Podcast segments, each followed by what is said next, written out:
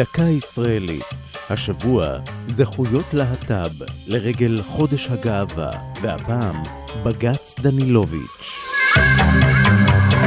כל דייל ודיילת באל על זכאים לכרטיס בהנחה לבן זוגם או בת זוגם אחת לשנה.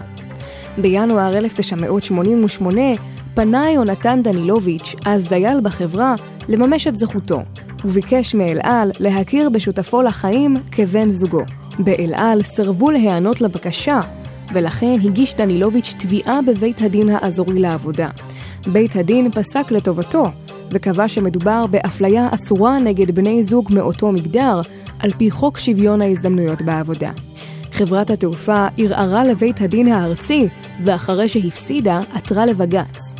גם שם נדחתה העתירה, ובהחלטה בשנת 94 כתב שופט בית המשפט העליון אהרון ברק, אפליה זו כלפי ההומוסקסואל וכלפי הלסבית פסולה היא, יש בה פגיעה בשוויון. הייתה זו פריצת דרך בהכרה בזכויות זוגות חד-מיניים בארץ. מאז מכירים בתי המשפט בפועל בזוגות אלה, על פי עקרון ידועים בציבור, המסדיר את מעמדם של מי שלא נישאו רשמית, ומכיל עליהם רבות מן הזכויות והחובות שזכאי להם זוג נשוי. דנילוביץ' ממשיך גם היום להיאבק למען זכויות הלהט"ב. זו הייתה דקה ישראלית על זכויות להט"ב ובג"ץ דנילוביץ'. כתבה טליה כהן, ייעוץ הפרופסור יובל אלבשן, עורך ליאור פרידמן.